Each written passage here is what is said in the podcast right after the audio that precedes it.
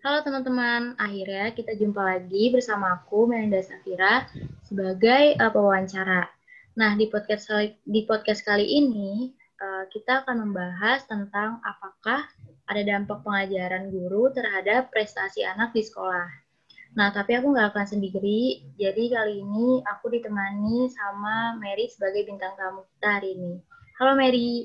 Halo semuanya. Oke, nah gimana nih kabar Mary? Sehat-sehat kan? Iya, alhamdulillah sehat kok.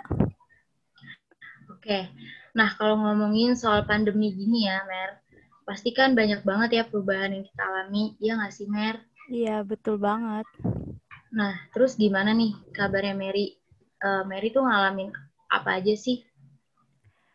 Hmm, pastinya aku ngalamin perubahan ya kadang tuh sedih banget kalau harus ngalamin perubahan yang awalnya kita ngumpul-ngumpul bareng teman secara langsung gitu ya ketemu terus sekarang tuh harus di rumah aja itu gara-gara pandemi itu tuh sedih banget sih. Iya benar banget ya sedih. Nah terus apalagi nih Mer? Selain itu? Hmm. selain itu sih juga ngaruh ke kelas uh, perkuliahan ya soalnya uh, masa yeah. pandemi ini kan kita harus kelas online. Jadinya sistem pembelajarannya tuh semuanya berubah gitu dari misalkan nih kita awalnya di kelas aja bisa berkomunikasi langsung dengan dosen, eh tapi sekarang malah harus lewat Zoom atau lewat Teams aja. Iya betul banget Mer. Cuma eh, nggak uh, kita nggak kita doang ya yang ngalami uh, di anak kuliahan tuh nggak cuma kita aja yang ngalami, tapi juga di semua anak sekolahan pastinya. Iya, betul banget. Nah, uh, eh, BTW nih aku pengen cerita-cerita sedikit.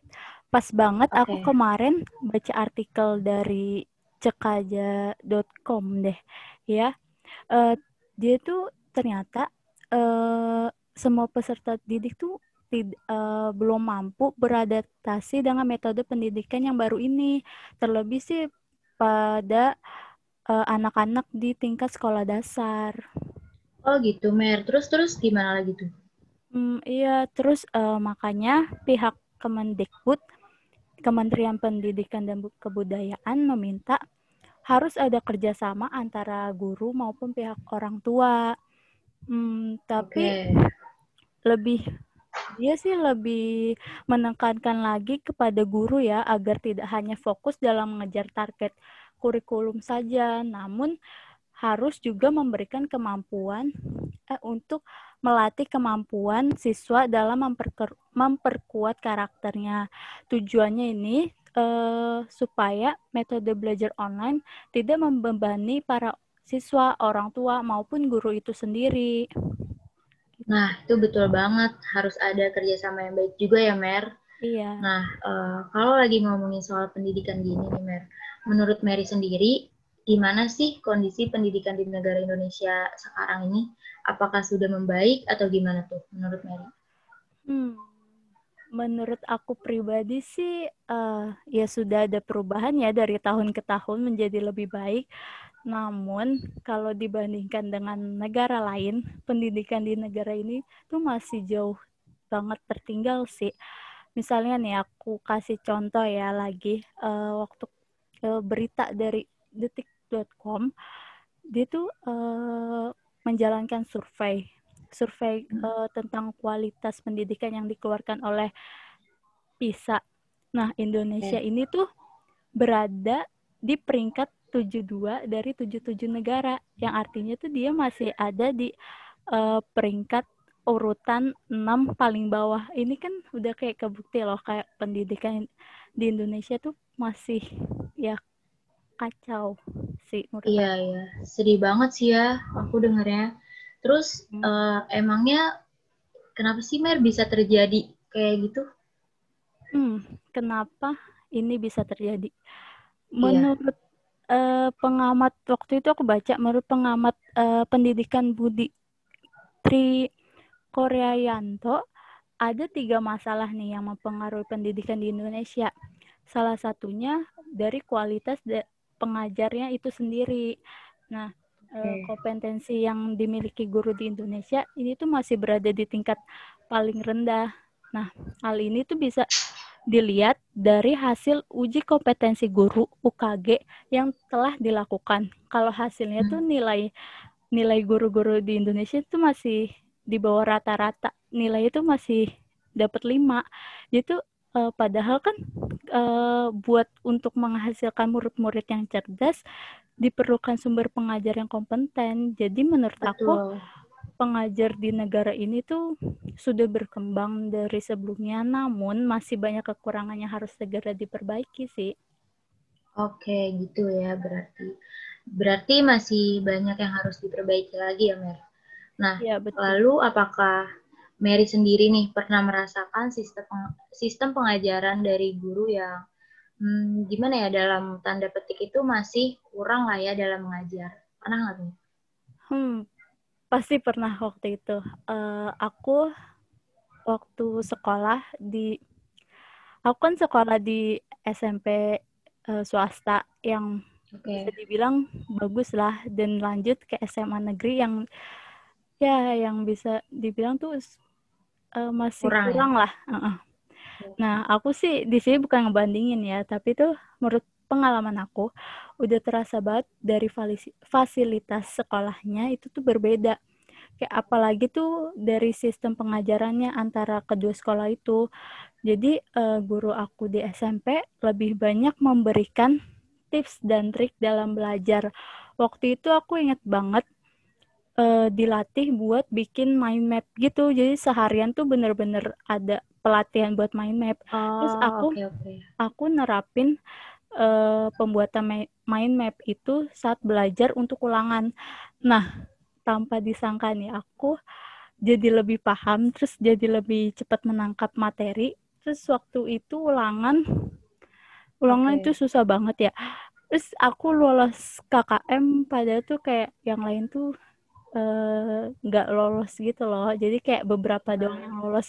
Nah beda halnya waktu itu aku SMA di negeri menurut aku tuh beberapa guru di situ masih belum mampu memberikan trik untuk kita kita belajar jadi tuh uh, waktu itu aku dan teman-teman aku tuh dipaksa buat membaca rumus saja gitu yang ada di buku jadi yaudah okay. uh, eh, kalian pelajarin sendiri aja uh, lihat buku baru bisa baru jawab soal terus kayak menurut aku tuh caranya kayak belum efektif gitu karena aku pribadi orang yang sulit menangkap pelajaran. Sedangkan ada temen aku yang dia tuh dengan mudah tuh menerima materi hanya sekali baca aja. Jadi kayak menurut aku nggak aci gitu loh. Dia kan kemampuan yeah, orang yeah. kan beda-beda.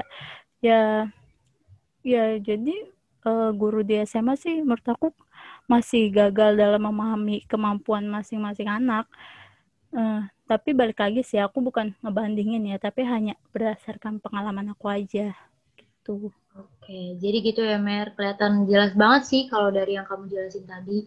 Mm-hmm. Nah, terus Mer, uh, jadi menurut kamu nih, berdasarkan pengalaman yang tadi kamu udah ceritain itu, berarti guru itu harus memperhatikan apa aja sih Mer agar sistem pengajarannya itu berguna untuk anak-anak muridnya? Hmm, pastinya sih guru itu dibutuhkan skill dalam mengajar ya. Karena yang hmm. aku tahu nih dari buku uh, nya Sandrock uh, tentang educational psychology, dia tuh bilang kalau semua guru yang mempunyai bidang keahlian tertentu seperti kayak fisika, kimia, matematika itu tuh nggak berarti kalau dia ini pandai dan mahir dalam mengajarkan orang lain. Nah, maka dari itu perlu banget nih para guru memiliki pengetahuan konten pedagogis guna mendapatkan keefektifan dalam proses mengajar. Nah, eh, salah satu pengetahuan konten pedagogis ini adalah guru itu mampu memahami kesulitan umum yang dialami muridnya dalam memahami suatu materi. Nah, sehingga guru akan memberikan strategi khusus terhadap muridnya untuk membantu mengatasi kesulitan tersebut. Kayak yang tadi cerita yang aku ceritain tadi, guru SMP itu, guru SMP aku ini uh, mampu memberikan solusi untuk uh, untuk murid-muridnya kayak memberikan solusi buat mind map agar lebih cepat menangkap materi pelajaran. Jadi intinya sih uh, okay. guru itu perlu diperhatikan uh, guru ah yang perlu diperhatikan oleh guru itu kemampuan dalam mengajarnya sih agar tidak sia-sia dalam mengajar. Kayak gitu sih. Oh gitu ya Mer. Benar juga sih ya Mer. Memang kalau semua orang itu kan pasti punya kesempatan untuk mengajar ya namun hanya beberapa aja nih yang pandai dalam menjelaskan kepada orang lain sehingga dapat diterima dengan mudah. Iya, betul banget. Pasti kan kita punya temen uh, seperti itu kan. Kayak misalkan kalau kita diajarkan oleh si A, itu kita bakal cepet nangkep daripada si B yang lebih uh, sulit mengajarkan. Nah, yeah. uh, pokoknya sih intinya yang perlu diperhatikan oleh guru itu harus mempunyai keahlian dalam mengajar tentunya. Terus uh, biasanya itu sih uh, gurunya disebut guru yang profesional, soalnya kan baik lagi pekerjaan seorang guru kan itu bukan hal yang main-main ya. Uh, yeah. Guru itu menjadi salah satu faktor yang mempengaruhi anak dalam mengerti mata pelajaran. Jadi harus dipersiapkan matang banget nih bila ingin terjun ke dunia pendidikan. Gitu. Oke. Okay. Nah, tapi guru yang profesional itu yang seperti apa sih, Mir?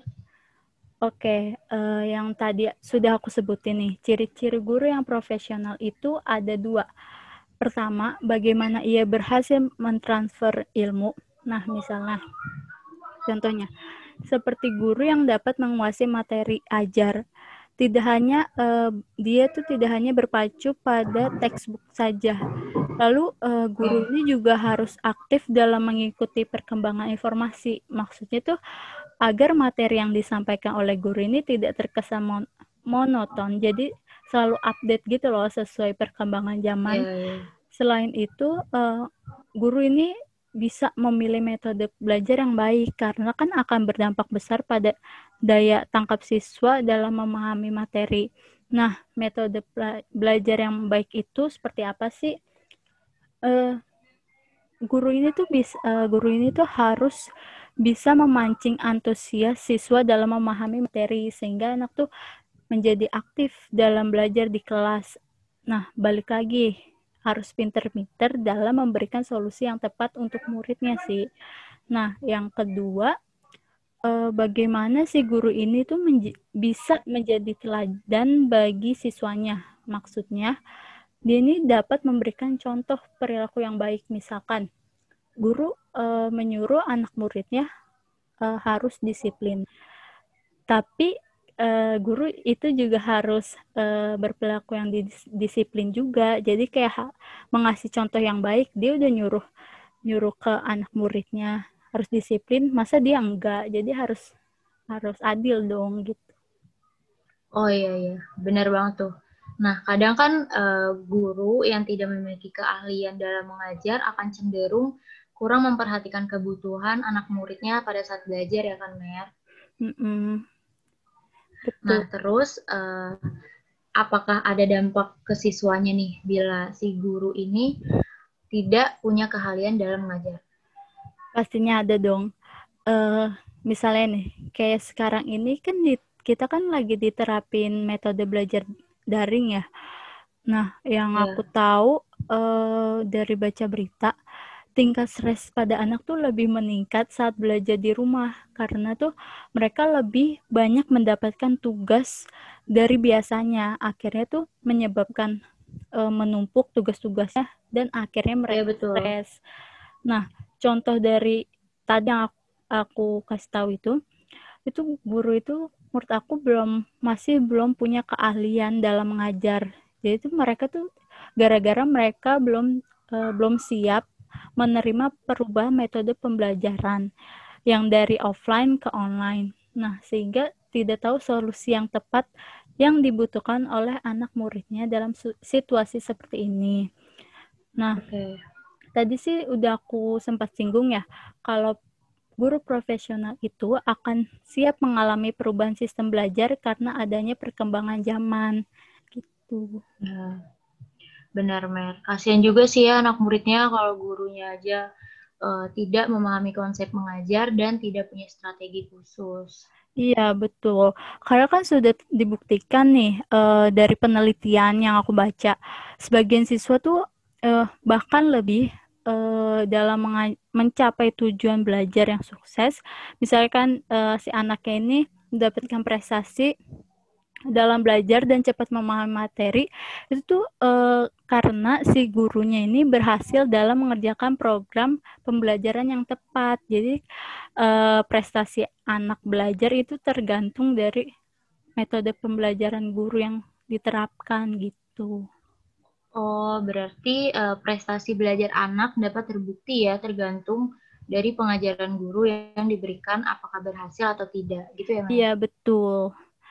Namun uh, nih perlu diketahui juga ya uh, kita kita teman-teman semuanya kalau uh, tidak 100% nih hasil dari pengajaran gurunya aja. Jadi muridnya tuh juga harus punya motivasi belajar yang besar dan adanya juga dukungan dari orang tua juga dapat mempengaruhi prestasi anak. Jadi harus kerjasama yang baik lah uh, antara guru, orang tua dan siswa gitu.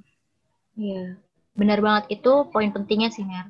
Harus ada kerjasama juga agar sesuai tujuan yang diharapkan, ya kan Mer? Iya, betul. Nah, aduh seru banget ya kita pembahasan kali ini uh, tentang perbedaan guru ahli dan guru profesional.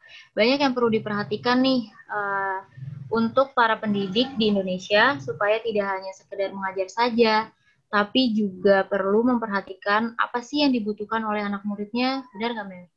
Iya, benar-benar.